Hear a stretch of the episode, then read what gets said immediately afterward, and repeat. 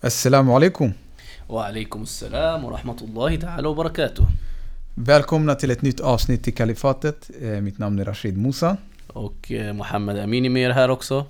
Och eh, innan vi drar igång med veckans ämne eh, så vill vi fortsätta tacka er för alla som har lyssnat och stöttat oss och som har spridit våra två första avsnitt som hade kommit ut för en, två veckor sedan ungefär.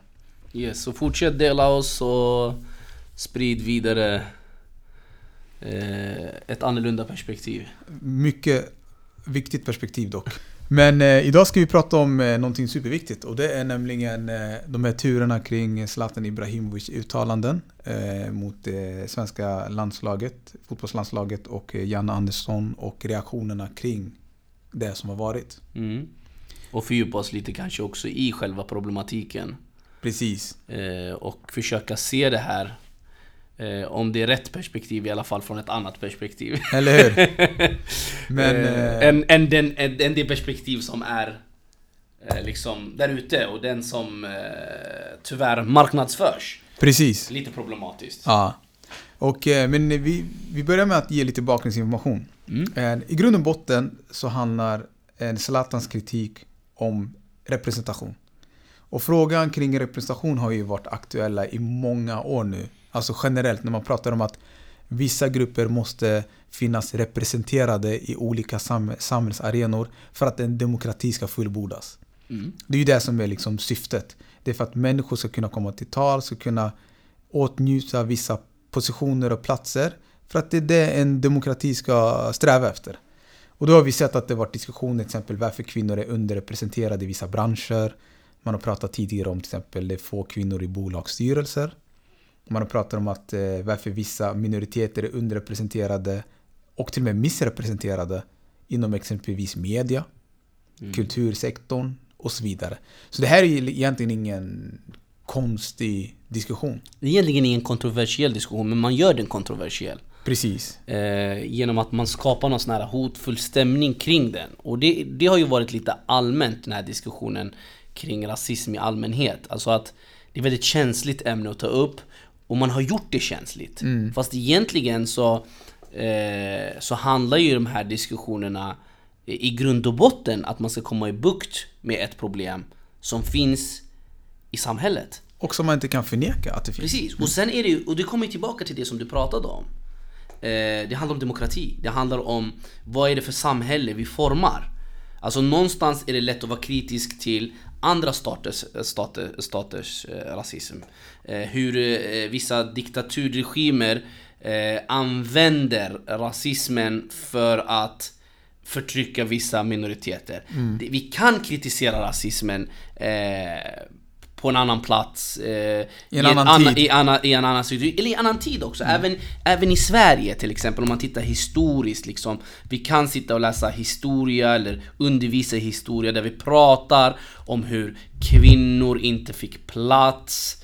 Eh, idag hade jag senast en lektion, vi pratade om drottning Margareta liksom. En ovanlig eh, händelse i, i, i nordisk historia där en kvinna styrde eh, Sverige, Danmark och Norge samtidigt.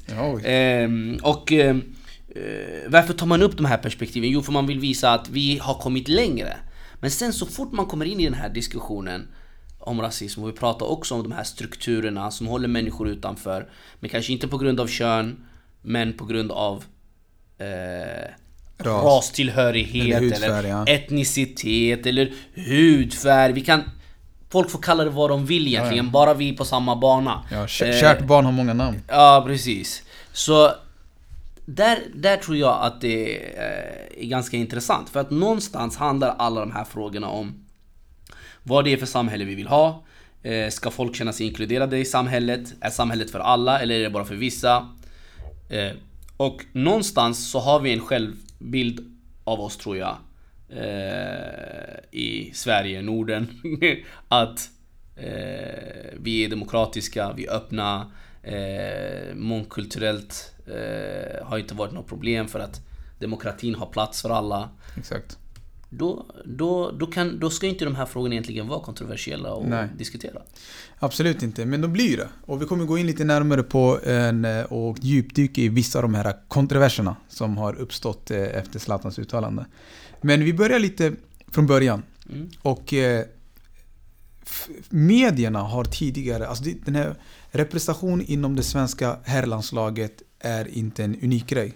Alltså redan från eh, 2017 så fick eh, en, eh, Janne Andersson, förbundskaptenen, tränaren för svenska landslaget, fick frågor från Aftonbladet om varför det har varit, och nu citerar jag Aftonbladet, markant färre spelare med invandrarbakgrund i landslaget efter förbundskaptensbytet. Det vill säga när landslaget gick från att vara en Erik Hamrén till Janne Andersson så blev det färre spelare med så kallade invandrarbakgrund. Och då en, svarade Andersson, det måste ha varit slumpen som har avgjort det. Och här tror jag det finns, om jag får komma in bara lite här. Absolut. Det är ganska intressant. För det första så ställer Aftonbladet här en väldigt intressant fråga. Ja. Det finns en uppenbar eh, problematik. De Ja. pratar om en markant skillnad från Precis. när Hamrén var. Och jag skulle våga säga så här, i alla fall vad jag har sett. Jag kan ha fel, du får gärna rätta mig, du kanske kan fotboll bättre eller de andra som sitter där ute och är bra på fotboll. Men jag känner att det finns spelare med annan bakgrund på en hög nivå idag, mycket mer än vad det fanns under Hamrens Hamrens tid. Oh ja. Och jag menar att de har lyckats mycket bättre, de här unga killarna, och nått ännu bättre, eh, vad ska man säga, eh, eh, nivåer eh, i den internationella fotbollen. Mm. Eh, så jag skulle kunna nästan våga säga att det borde snarare ha varit Tvärtom. tvärtom om någonting. Så antingen betyder det att det är Erik Hamrén som tog för många som inte förtjänade att vara där, eller så är det Janne Josefsson som sätter för många på bänken som, eller inte eh, blir ens kallade, som borde vara det. Precis. Och, och det är väl liksom redan 2017 så är de här diskussionerna kommit. Eh, och, eh, och, och då har liksom medierna själva ställt den här frågan till Janne Andersson. Och då har han ofta svarat att det är slumpen, jag tittar inte på hudfärg, jag tittar på prestationer. Det är typ det han... Och det här är också intressant. Ja, Varför ska en sån här fråga vara slumpen? ja, det, Det måste finnas en förklaring. det är klart. Allt har en förklaring. Alltså även om, om, han, om han anser sig ha en anledning till det som han tycker är väldigt bra. Fine. Berätta om det. Precis, och vi kommer komma in på det liksom. Eh, Det ultimatet som framförallt Zlatan ställde Janne Andersson. Men 2017, där eh, ställs frågan till honom och sen eh, ett år efter så gör en, Sveriges Radios program Konflikt, en, deras reporter Ivar Ekman, han ställer en fråga till Janne Andersson om varför det svenska landslaget ser så homogent ut. Och det utgår han ifrån vad som hände med u landslaget som vann EM-guld i finalen mot Portugal några år tidigare. För att det som eh, är ganska speciellt med det här u landslaget det var att det var ett landslag av unga killar som var väldigt blandade. Alltså det var människor som kom från olika delar av, eh, av, av världen, eller som hade bakgrund i olika delar av världen. Eh, Och de gick under den här parollen Det nya Sverige. Mm. Eh, Det minns jag, de gjorde till och med en låt om det. De gjorde till och med en låt om det. Och, Nya eh, Sverige. ja precis, du kan den till och med. jag vet inte, är det? Eller hur? Och, och, och det som är grejen med, med det här landslaget är att som man jämför det här landslaget med eh, en belg, belgiska seniorlandslaget som är väldigt blandat. Det holländska, Österrike och Schweiz. Det här är länder som är relativt små i yta. Men ändå som är ganska jämförbara med Sverige. Alltså OECD-mässigt, liksom, rent liksom rikedomar och liksom le- levnadsstandard och så vidare. Det finns en infrastruktur. Men det, det finns också, i de här länderna så finns det också människor med en annan, men, men utom europeisk bakgrund.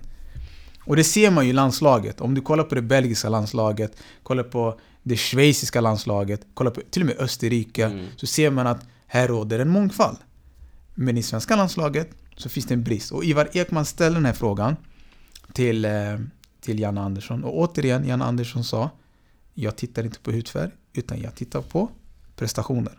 Eh, Det var det han sa. Och det måste man ju också diskutera. Vi kommer komma in på det. Alltså, det måste man diskutera. Så mm, Janne Andersson har fått den här kritiken. Från medierna själva. Men det är någonting som händer när Zlatan eh, uttalar sig om representationen i landslaget 2019. I en intervju med Expressen. Där han säger att Jannes landslag till en början och det här, jag parafraserar honom, jag säger inte det, liksom, citerar han ordagrant, men han menar att det saknades mångfald och det var helvitt i landslaget. Och sen fick han kritik från medierna och då ändrade han en landslagsuppsättningen och tog in människor med, eller spelare med utomeuropeisk bakgrund. Och Det här är vad Zlatan säger. det är vad Zlatan säger. Mm. Och då säger Zlatan att istället för att ändra på sig för att medierna kommer med kritiken så bör han stå för det han faktiskt egentligen tycker.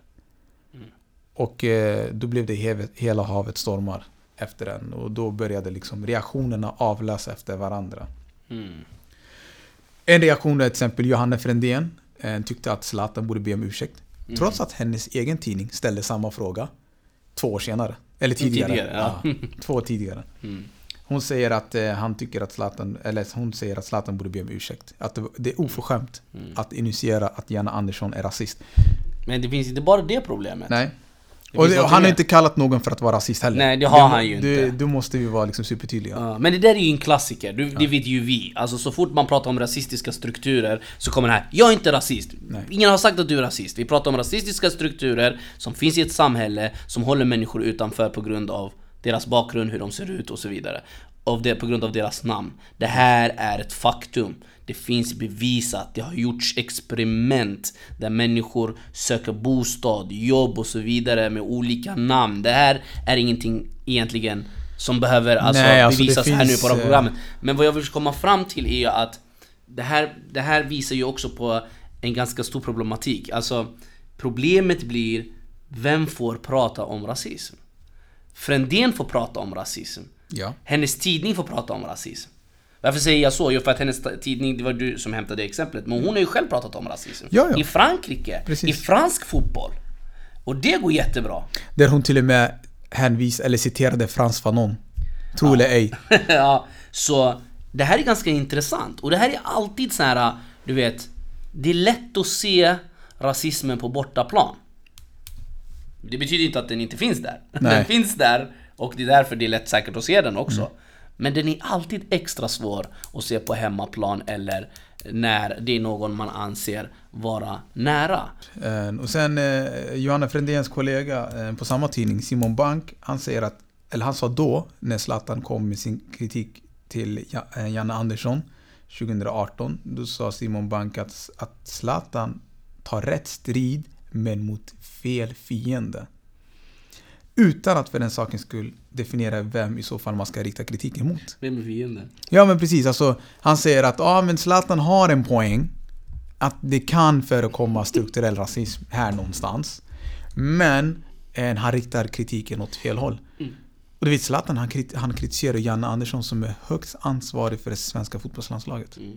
Och det betyder inte kanske att han är den enda ansvariga eller att det är han som är huvudproblemet. Nej. Men någonstans Har han ett ansvar? sitter man på ett så pass centralt uppdrag som han sitter på, då måste man kunna se sitt ansvar att motverka de här Bror, han bestämmer vem som ska spela och inte spela. Så han är högst... eh, Alltså, Han är ju inte den enda som har ansvar, det vet jag. Men han är bland de högsta. Han och hans assisterande tränare. De sitter och diskuterar. Och by the way, gå in på en eh, fotbolls, Svenska fotbollsförbundets hemsida. Kolla vilka som jobbar där. Det finns bilder på dem. En, och eh, jag tror att en del av problemet ligger faktiskt i där också, men det kan vi komma lite senare på. Och det finns ju också sjuka uttalanden som, eh, som har sagts om Zlatan. Ehm, vi kan säga, vi kan ta till exempel ehm, en Peter Lenell som var tränare eh, för ett lag i Allsvenskan 2003. Han sa att att släppa fram en figur som gör som han vill har Sverige inget behov av. Jag tycker att det är simpelt och omoget sätt att uppträda. Sverige har nått framgång med lagmoral och laganda. Så kommer Zlatan att göra så här. Så han menar att Zlatan har ett visst beteende som inte anses vara svenskt. Och som Mm. tillhör det kollektiva. Och därför borde han inte vara med. En, eh, Mattias Karlsson, Sverigedemokraternas, eh, en av SDs toppolitiker, sa 2007, 2007 att han har en attityd som på många sätt inte känns svensk. Han har ett kroppsspråk och ett språk i allmänhet som jag inte uppfattar som direkt svenskt. Men eh, det, alltså Mattias Karlsson, han är Sverigedemokrat och det är klart att han tycker de här sakerna. Ja, ja. Han är Sverigedemokrat. Men kolla vad eh, Ralf Edholm, som då var expert på Radiosporten, alltså Sveriges Radios Radiosport, eh, Radiosport eh, 2003 sa. Eh, Zlatan borde vara tacksam mot sitt land som har stått för hans grundutbildning. Och den här, du vet, att, att, att, eh, att Zlatan ska känna, eller människor som inte är vita i det här landet ska känna, ska ha någon form av tacksamhetsskuld för att de har fått gå i svensk grundutbildning. Och det är också intressant av, av den anledningen vilka som ska få accepteras att vara svenskar och inte. Och att svenskhet är väldigt kopplat till vithet. Alltså hade Zlatan Ibrahimovic hetat Marcus Berg skulle Ralf Edholm säga då att Marcus Berg borde vara tacksam mot sitt land som har stått för hans grundutbildning. Det skulle vara otänkbart. Och även om man skulle säga det skulle han nog bli av med jobbet dagen efter. Eller vad tror du? Mm. Men det som är eh, en, eh, också, en, eh, om vi går till nutid. En, eh, nu har ju Zlatan kommit med nya uttalanden. Och det var i samband med eh, Dejan Kulusevski. Som spelar i Juventus. Ett av världens bästa lag. Italiens bästa lag. Alltså ett av världens bästa lag. Spelar med Cristiano Ronaldo. Som menar, kanske inte enligt dig, men enligt många andra, en av genom tidernas bästa fotospelare. Jag hade tagit honom före Messi dock. Ja, det är klart. Du har ju en riktig eh, avsky mot eh, Lionel Messi. Nej, det kan vi ta på ett annat avsnitt. Han är en riktigt bra spelare alltså. Där, där är det... Ja, men jag vet att det är personligt för att han och Zlatan krockade lite i hans tid i Barca. Och du har tagit, eftersom du är Zlatanist har du tagit Zlatans... Nej, nu, nu tycker jag du var taskig. Är det så? Ja. ja, du får rätta mig om jag har fel. Men hur som mm. helst. Jag tycker du kör lite som de här kör mot mig. Nej, nu ska inte du lägga... Det där var en low blow alltså. Det var ett slag under bältet. Det var du som började. Men eh, Kulusevski, han eh, spelar i ett av världens bästa lag, Juventus. Och han spelar bredvid en av världens bästa fotbollsspelare. Eh, efter Sadio Mané då. Men hur som helst. där är personligt bror! Ja, det, det är jättepersonligt. Jag, jag säger det rakt av, just där är personligt. Men Eh, han bänkas eh, av Jan Andersson i matchen mot eh, Frankrike. För några veckor sedan. Och då säger Zlatan att han säger någonting i stil med Vilket jävla skämt. Mm. ursäkta för språket, jag bara citerar Zlatan.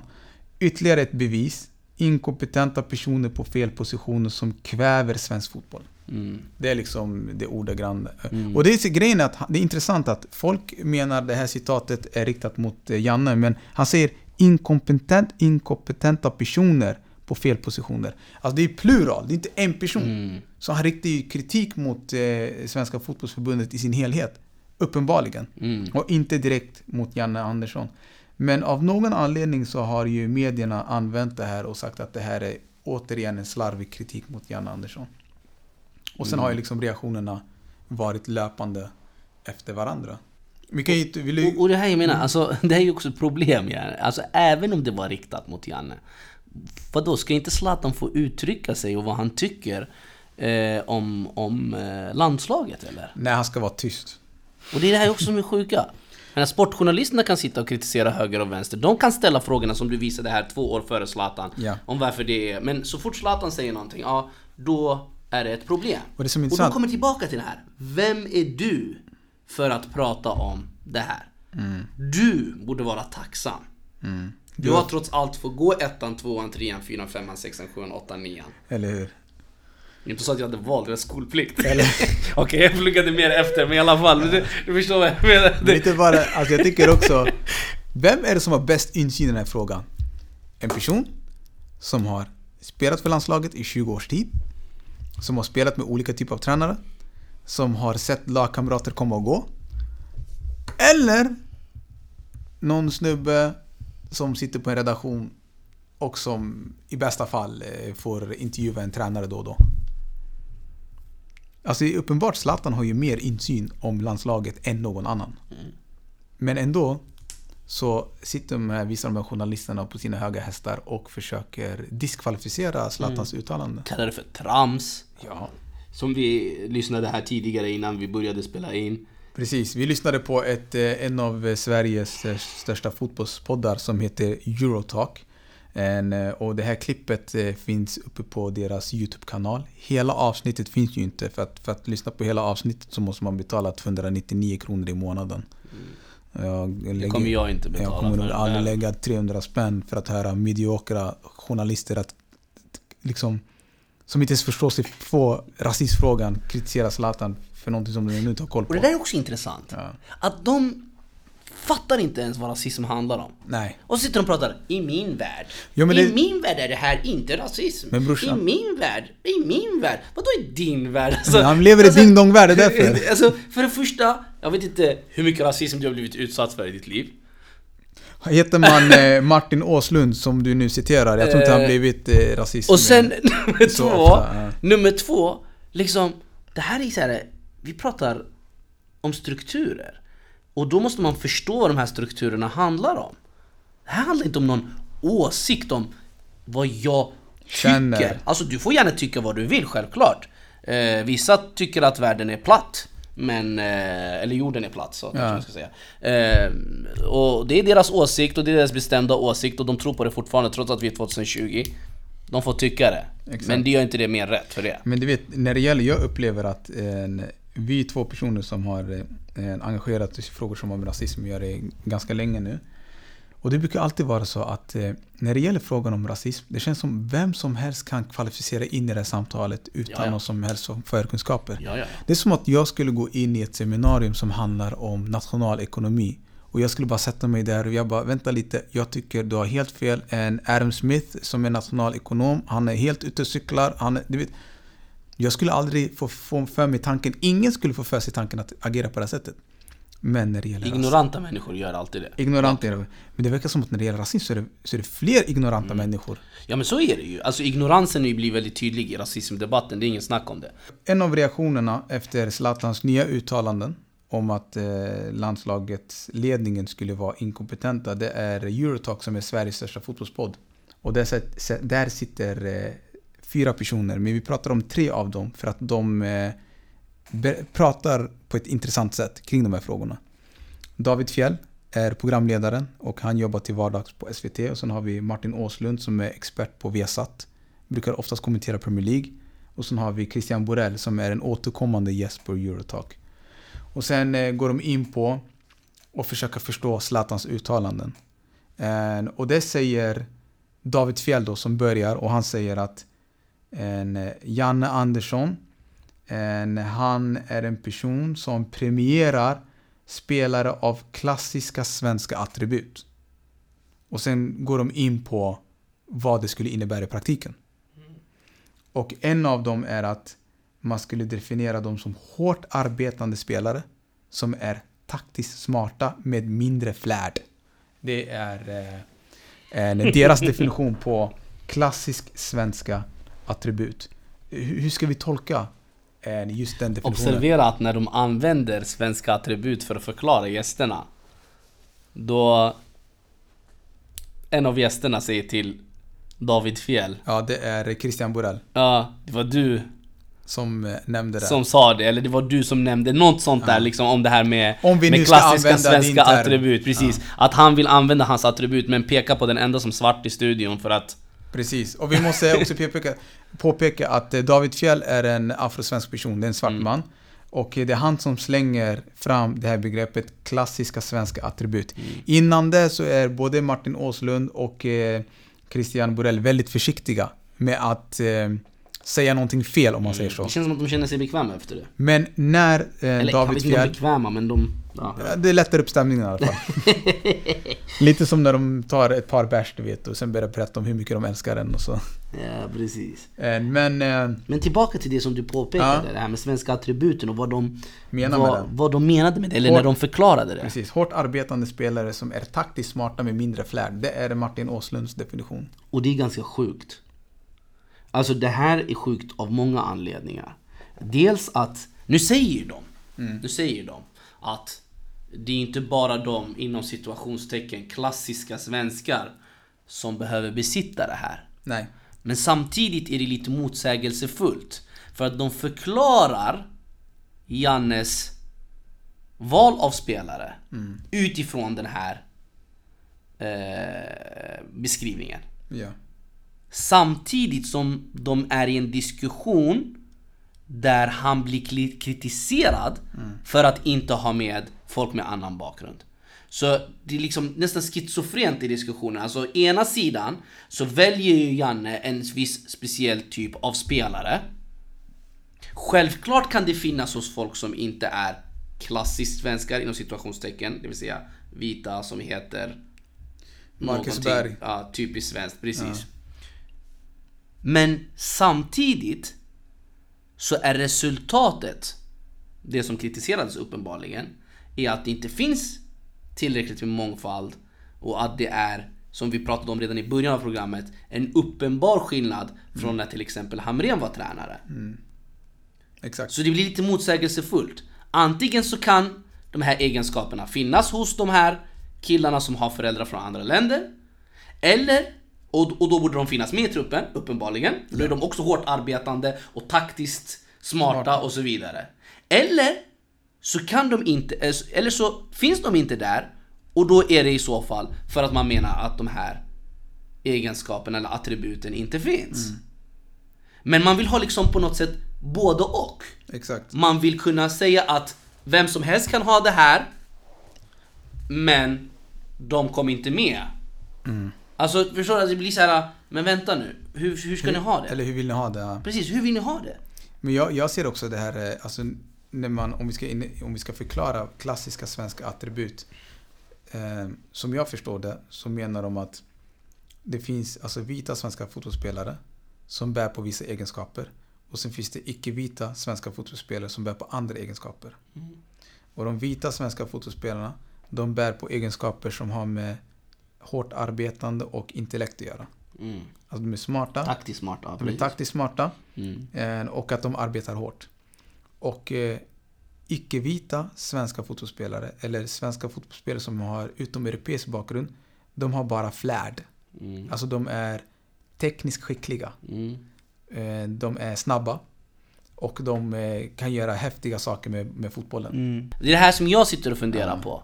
Och det här är ganska problematiskt för att om du skulle mena att de finns och de inte kommer med, då har vi ett problem.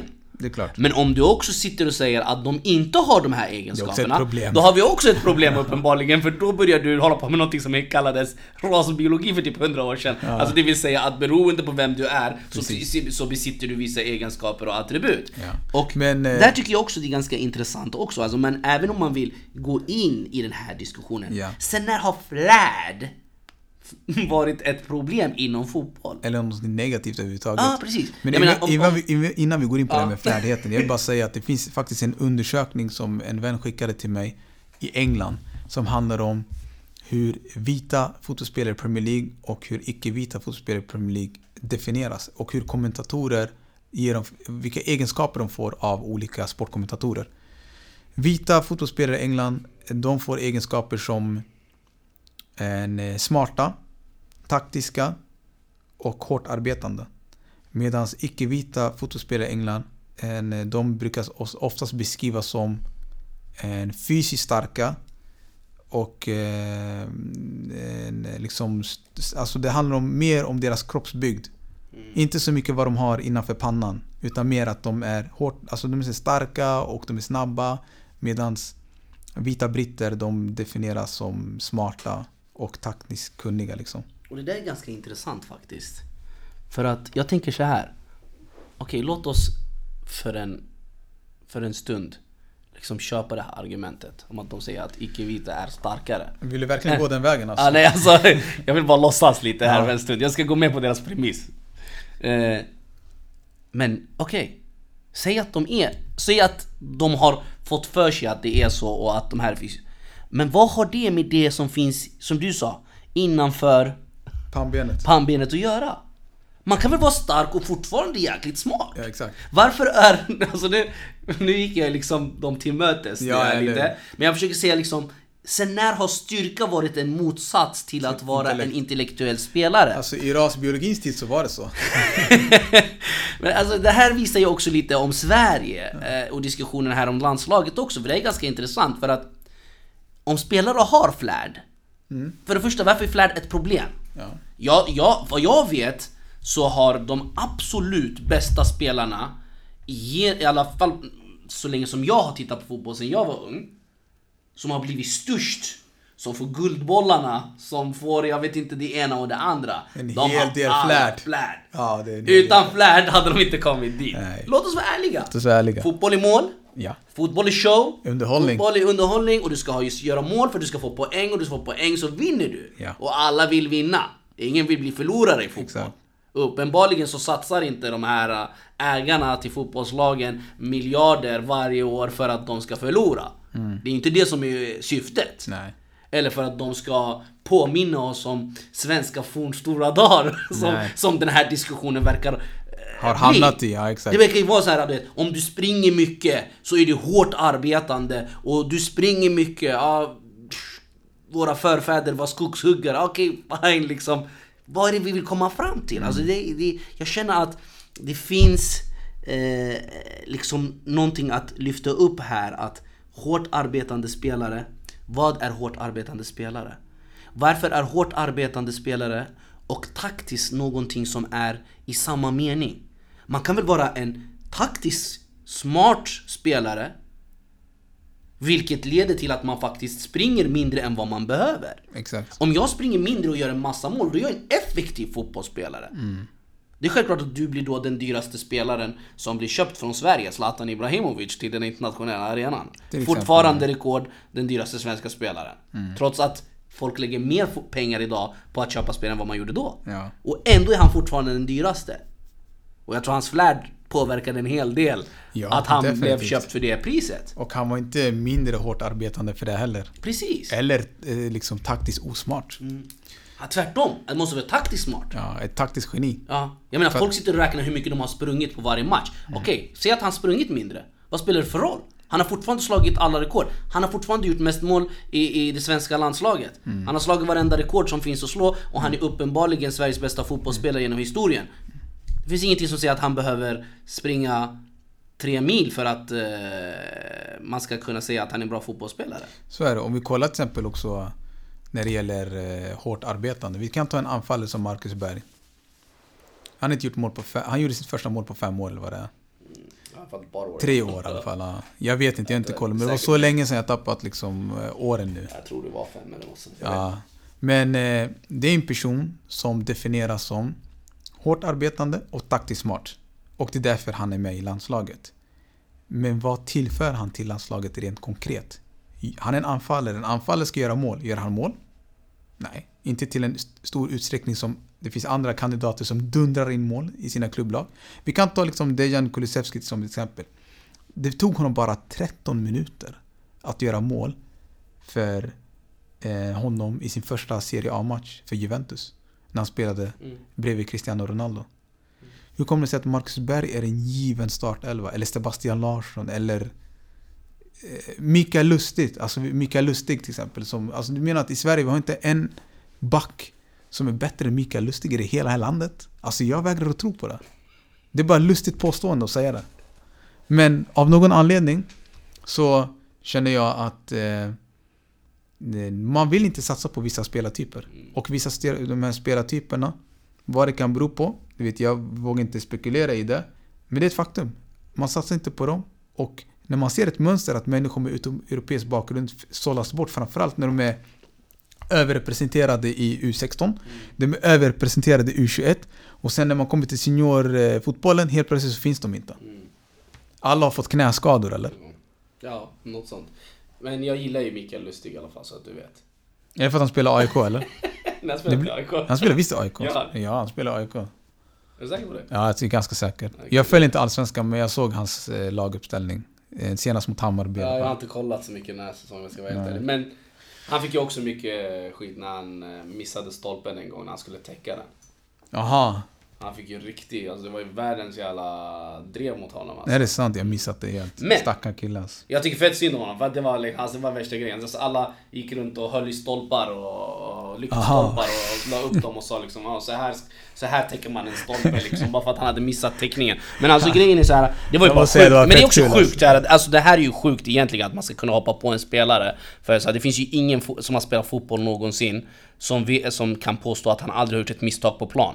Så det är ju också lite bara sjukt. Men en skillnad dock ändå, som man måste säga till exempel från när han blev påhoppad och när Durmaz blev påhoppad. Ja. Så var det ju att retoriken när Durmaz blev det, så var det ju uppenbar rasistisk eh, diskussion. Ja, det är klart. Alltså det var ju... Förstår du vad jag menar? Alltså Lustig utsattes för någonting Det var ju personligt, det var mot honom. Ja, det var personligt mot honom.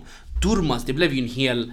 Alltså, all, allt som folk där hemma hade i hjärtat kom ut liksom. Ja. Durmaz Samma... blev ju till och med muslim. Ja, det var ju såhär liksom muslim, stick hem och såna här grejer när han inte ens är, är, är liksom är muslim. Och det här visar ju på att islamofobin kom ut till och med det- trots att det inte fanns en muslim inblandad i, i, i historien.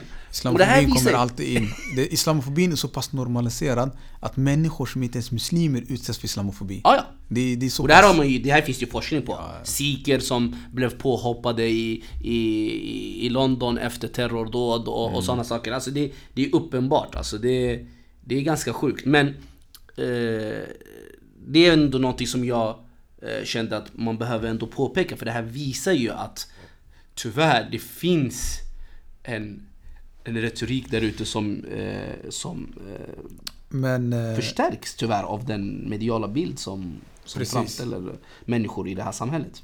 Men i det här samtalet eh, i Eurotalk Mm. så pratar de väldigt mycket om klassiska svenska attribut lika med hårt arbetande spelare som är taktiskt smarta med mindre flärd. Alltså Mm. det är så här tydligt. Men sen går Martin eh, Åslund och säger att i min värld så är inte det här rasism. Alltså i min värld så är, inte, är det befängt och det är till och med förtal att säga att Janne Andersson är rasist. Och nu säger jag också att ingen har kallat Janne Andersson för rasist. Varken Zlatan eller någon annan för den delen heller. Inte vi heller. Och inte vi Så heller. att inte någon kommer att säga Ja. att vi har gjort det efteråt. Men, alltså det var nästan som ett... på en gång. Eller jag tar också avstånd. Och fördömer i starkaste ordalag. Men det som är intressant är att han, Martin Åserlund, en, eh, i, när han sitter i Eurotalk-soffan, alltså det är så passionerat tal. Alltså man, man ser att han blir upprörd över den här diskussionen om representation i landslaget. Ja, och det som är sjukt också, han, när han säger att, eh, eh, att det är liksom förtal och allt det här. Då säger han ju också att det säkert finns någonting. Alltså jag kommer inte ihåg exakt hur han uttryckte sig, men han snackade om att det säkert finns någon strukturell... Precis. Han försökte väl säga att det finns någon form av strukturell rasism. Ja. Men då gör han exakt samma sak som det vi pratade om tidigare när vi pratade om Simon Bank. Mm. Vi vill rikta det någon annanstans.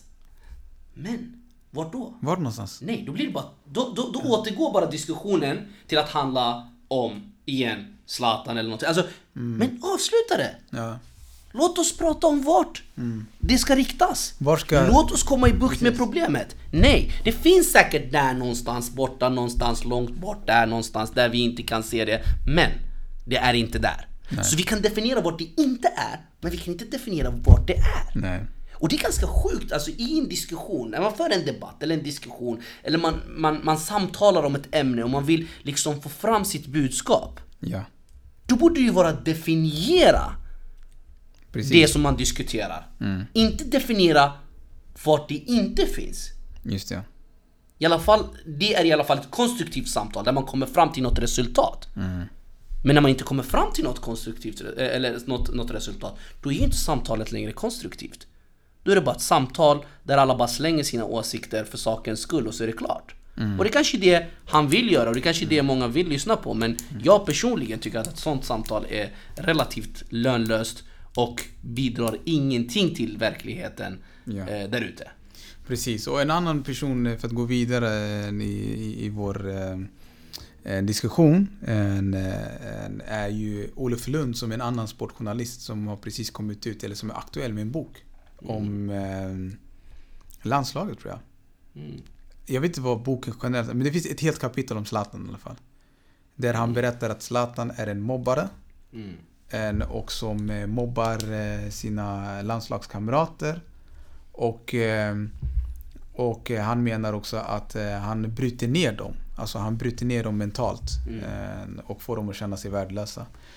Det som är intressant är att eh, det är ett ganska starkt påstående och eh, säga och hävda det. Och man antar ju att, att en person som Olof Lund är journalist och när han trycker en bok så finns det en redaktör som ser till att källorna är liksom verifierade. Men alla källor är anonyma. Så man kan inte härleda vem det är som har sagt utan det är bara ett påstående. Och det som har kommit idag är ju också att många spelare dementerar Olof Lunds teorier om att Zlatan skulle bryta ner spelare. Men Olof Lund eh, slår ändå fast vid hans ståndpunkt. Trots att många spelare dementerar eh, hans teorier. Och han menar att det är en del av tystnadskulturen som råkar råda i landslaget. Alltså det här är ju klassiskt.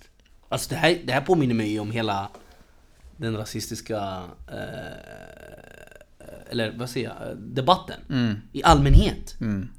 Det är ju klassiskt. Vi får inte bränna Koranen. Ni ska stoppa oss från att göra vad vi vill. Vi kommer ihåg när vi pratade om det förra Ja, veckan. ja. Stoppa? Vi har, sen när har muslimer haft makt att stoppa någonting? Nej. Samma sak med invandrare. Invandrarna tycker inte om det. här. Rasistskol. Sen när har invandrarna haft någonting att säga till om? Ja, det är sant. Invandrarna knegar för, hårda, för låga löner eh, och, och, och jobbar eh, extra pass. Jobbar häcken av Kör sig. taxi 14 timmar, okej inte alla uppenbarligen men i alla fall många. Ja. Är det hårt arbetande människor. Och de plötsligt pratar, och så är samma sak här. Tystnadskultur. Liksom som att... Eh, Zlatan eh, har så mycket makt över enskilda individer i precis, landslaget. som han inte umgås med Eller- och kan ändå kontrollera vad de ska säga och inte säga. Precis, och, han säger, och de säger att... Ja, men, Och det är motsägelsefullt för Zlatan har ju fått kritik eh, under den senaste perioden av vissa spelare. mm. Ja. Eh, och jag menar... Jan Guidetti kritisera- har kritiserat han, en, eh, vet du han... eh, Ekdal för ett tag Ekdal, sedan. Quaison. Ja, så hur Så- kan man prata om att eh, det är, vad heter han också? Eh, Gamla AIK-spelaren.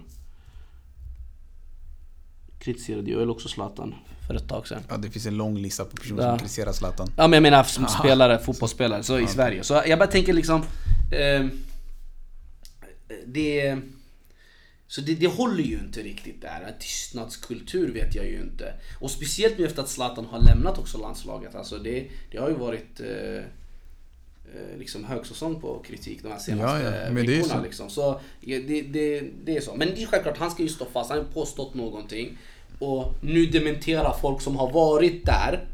Och det är självklart att han som journalist som aldrig har varit en del av landslaget eh, kommer ju inte eh, uppnå den framgång som han vill med den här boken eh, om folk som har varit där sitter och säger att nej det här stämmer inte. Precis.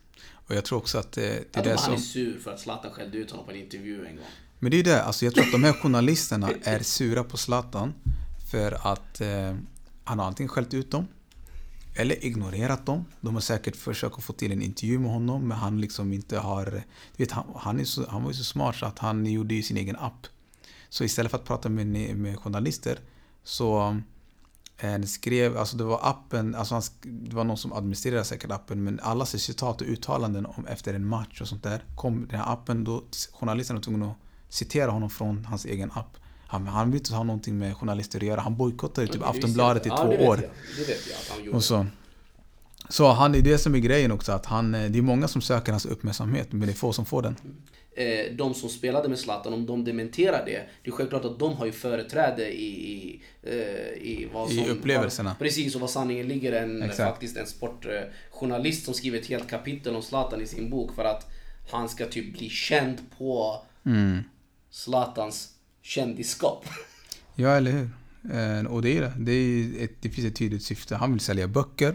Och att kasta skit på Zlatan just nu säljer. Det är många... eh, De journalister som har kastat skit på Zlatan har fått väldigt mycket klicks och likes och delningar. Och han passar på att liksom lägga till ett kapitel i sin bok som handlar just om Zlatan och kritiserar Zlatan utifrån det. Men hur ska vi sammanfatta hela det här avsnittet? I grund och botten handlar det om att det finns... Det är en fråga om representation. Mm. Och Zlatan lyfter fram en befogad kritik mot eh, hela landslagsledningen. Inte bara givetvis mot Janne Andersson. Mm. Och jag skulle vilja säga att eh, den svenska journalistkåren kanske inte är tillräckligt mogna för att förstå och se den här problematiken ännu. Precis. Och Zlatan kanske lyfter upp den på ett väldigt enkelt sätt. Mm. Men man förväntar sig i alla fall, man vill i alla fall kunna se den svenska journalistkåren kunna ta den här diskussionen på ett mer professionellt sätt genom analyser, genom att diskutera hur verkligheten ser ut och de strukturer som finns där ute. Så jag förväntar mig inte den av Zlatan. Nej, Men jag förväntar mig den faktiskt av den svenska journalistkåren. Precis. Men tyvärr, som du sa, det verkar som att de inte är mogna för att, för att ta den här. Och det, eh, finns, precis. och det på- finns ju en väldigt fara också att man eh, tillsätter liksom vita fotbollsspelare vissa egenskaper och icke-vita fotbollsspelare andra egenskaper. Mm. Det är väldigt farligt när man börjar prata om typiska eller klassiska svenska attribut. Att det skulle vara intellekt och taktiskt smart Mm. och du vet att man är någon form av geni. Och sen alla andra blir bara flärd. Speciellt i samband med en diskussion Som handlar om som handlar Ja. om eh, eh, brist på representation. Precis. För då är det ju som att man kommer och cementerar Mm. de här attributen och egenskaperna till vissa personer och inte. Mm. Alltså jag har inga problem med att man säger, till och med alltså i diskussioner, jag i alla fall tycker att det är okej, att man diskuterar spelartyper. Ja, det är klart. Jag har inga problem med det. Om man säger Janne vill ha vissa spelartyper, punkt. Men när man börjar säga Janne vill ha vissa spelartyper, hårt arbetande, taktiskt smarta, inte bara flärd. Samtidigt som man diskuterar i den diskussionen klart och tydligt om personer med annan bakgrund eller har som har föräldrar från andra länder inte representeras tillräckligt i landslaget eller mycket mindre än vad de har representerats innan, tränaren, hos tränaren innan. Då tror jag att det blir ett problem. Alltså allting handlar ju om kontext. Såklart. Vi kan ju diskutera självklart, för vissa säger att man kan inte diskutera någonting. Självklart du kan prata och diskutera. Du kan prata om, om, eh, om spelartyper. Vi kan prata om huruvida Janne eh, Andersson är en, en bra tränare eller inte. Diskutera det i, utifrån en kontext där vi diskuterar andra tränare. Exakt. Både på landslagsnivå men även inom klubblag och på internationell, på internationell nivå. Varför väljer till exempel Juventus tränare, en tränare som tränar ett av de bästa lagen i världen, definitivt Italiens bästa lag. Varför väljer han att ha Kulusevski i första elvan, David Ronaldo? Exakt. Och, och varför väljer eh, Janne att inte ha honom? Vad är skillnaden? Är det för att det är landslag och klubblag? Man diskuterar det, fine, diskutera det.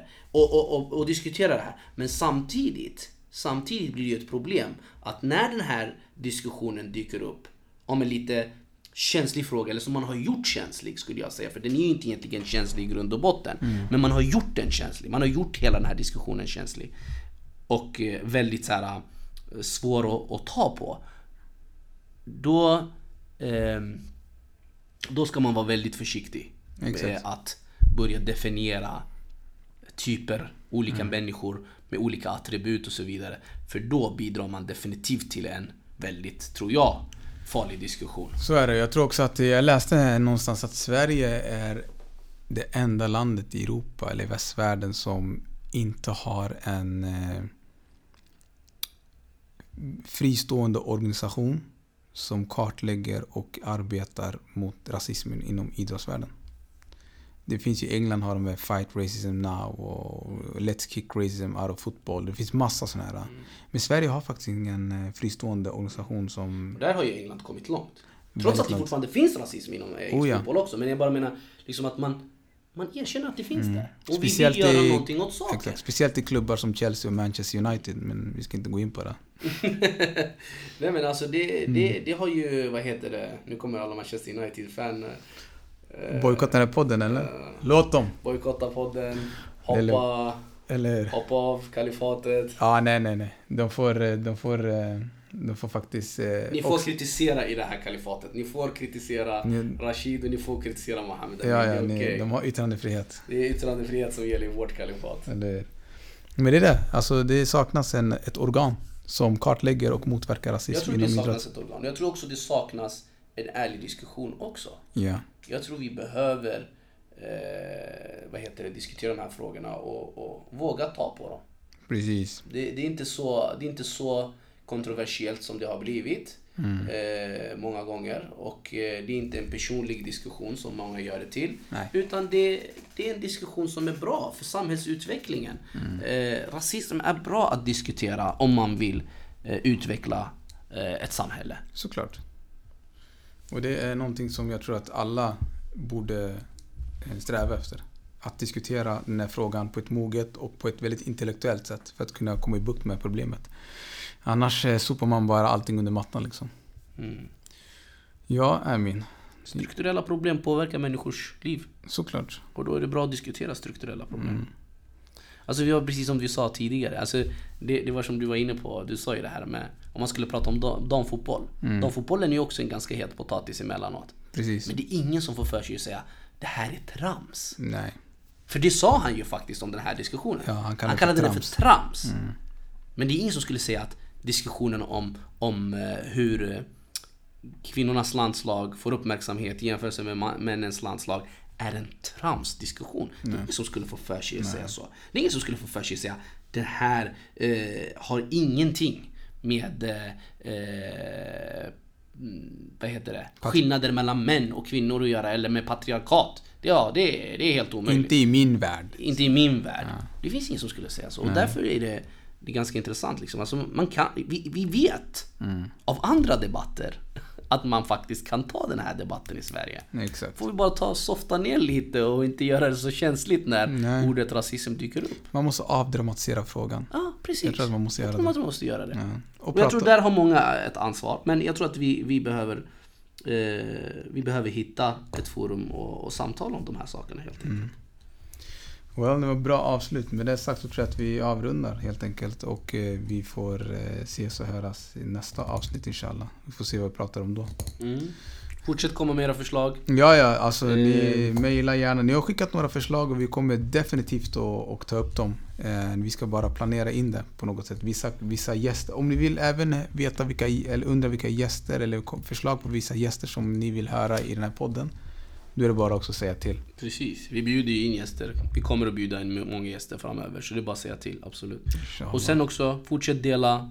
Yes. Eh, eh, bjud in era vänner till eh, Era, det nya era, kalifatet. ja, era föräldrar, era syskon, kusiner, grannar, you name it liksom.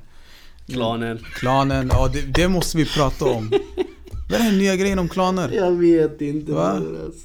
Alltså, var 40 familjer som håller Sverige i gisslan. Alltså vilka är de här familjerna? Alltså, jag, jag blir nyfiken. Vilka är de här familjerna? 40 klanfamiljer som liksom mer eller mindre kontrollerar. Och att han, polischefen tydligen sa att de uppfostrar sina barn att bli kriminella. Det intressanta är att jag har levt i ett och annat land som har ett klan System? Ja. Och vad jag vet så flyttar aldrig klanerna ut. Nej, För de har så mycket privilegier Exakt. att de behöver inte sticka från sitt land. nej. Men jag vet inte, det här är Ja. väl nybildade klaner. Nybildade klaner. Vi får ta ett helt avsnitt om det. Om, eh, om, om klanen. Så det kommer vi aldrig bli klara idag. Eller hur?